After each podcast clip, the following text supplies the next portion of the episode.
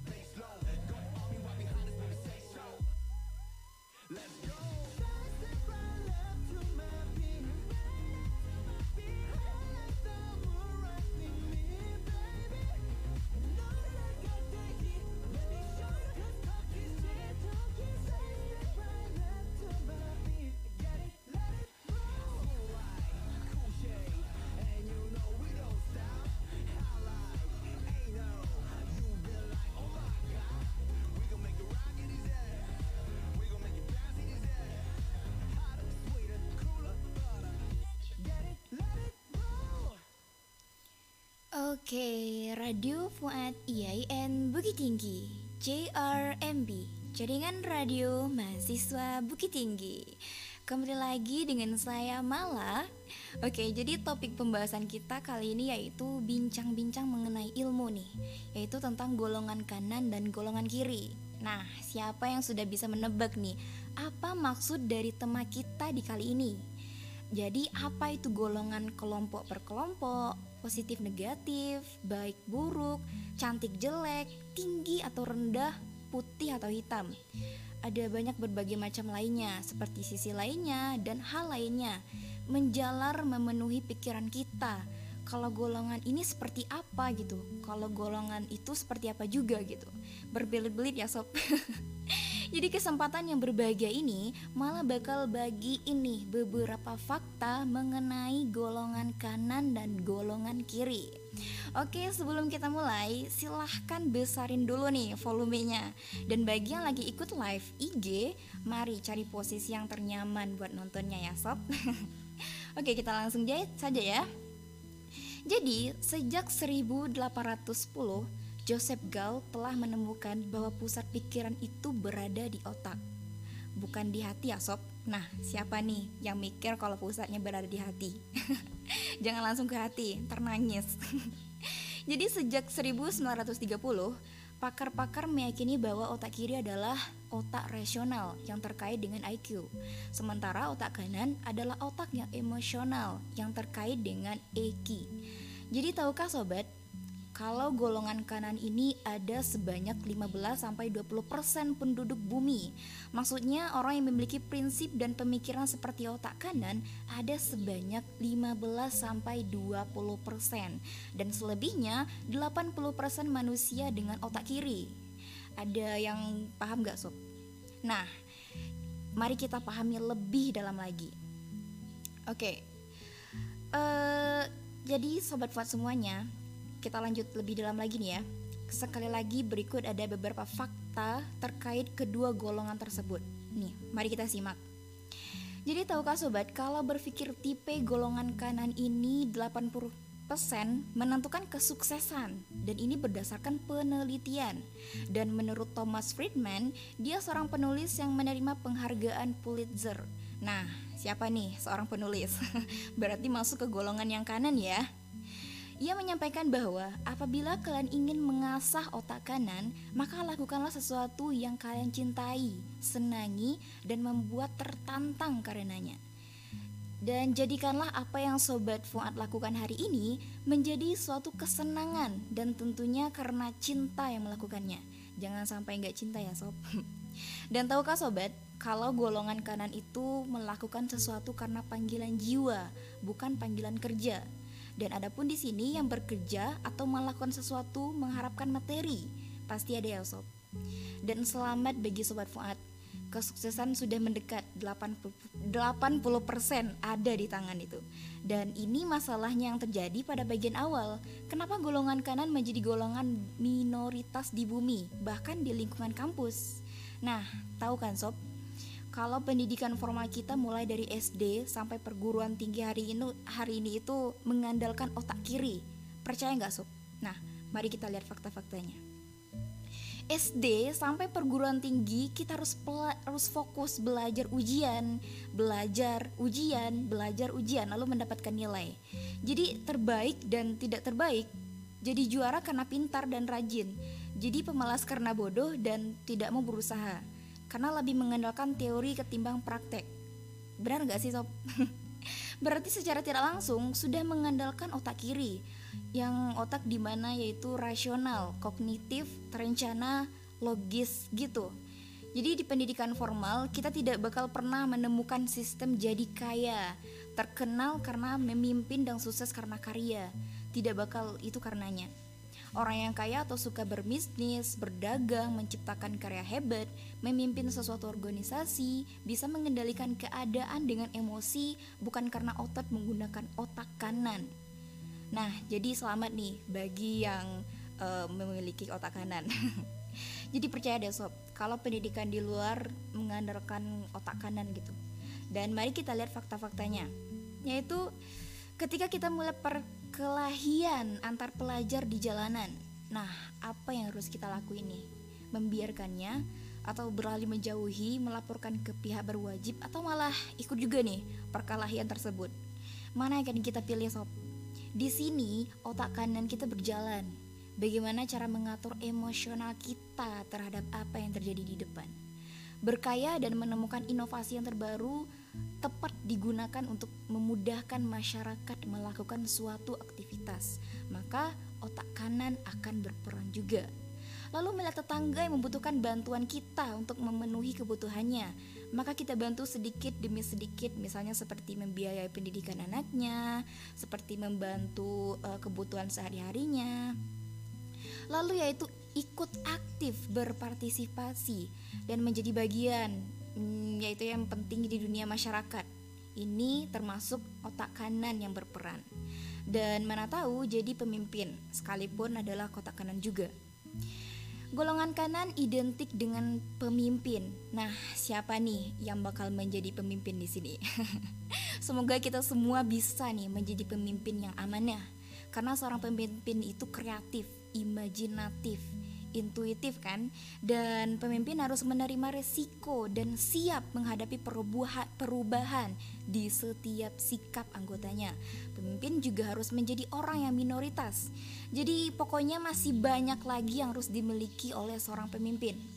Dan ini berlaku untuk semua aspek, mulai dari lingkungan kampus, lingkungan masyarakat, dan tentunya nih ya sob untuk diri kita sendiri. Nah, untuk itu kita break dulu nih sob. Mari kita nikmati musik yang satu ini.